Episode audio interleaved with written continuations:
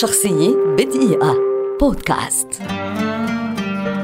محمد جمال واسمه الحقيقي جمال الدين محمد تفاحة مطرب وممثل لبناني شهير ولد عام 1934 ويعد واحدا من أنجح وأبرز نجوم فترة السبعينات من القرن الماضي.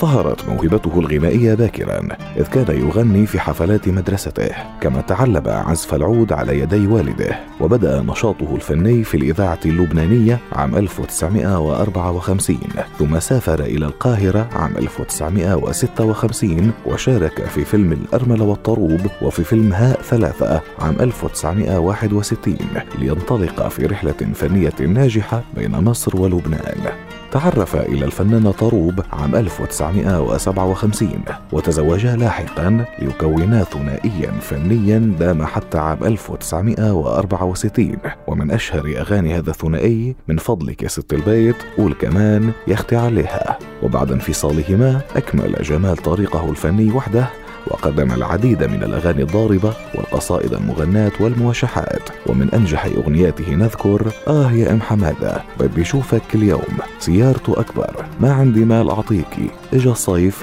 وكنا أنا وإنتي شارك محمد جمال خلال مسيرته في عدد من المسلسلات والأفلام وكان يقدم فيها بعض الأغنيات أيضا. وفي أواخر عام 1981 هاجر إلى الولايات المتحدة الأمريكية ليبتعد تدريجيا منذ ذلك الوقت عن الساحة الفنية. في السادس والعشرين من أيار مايو 2023 رحل الفنان محمد جمال في الولايات المتحدة عن عمر ناهز 89 عاما.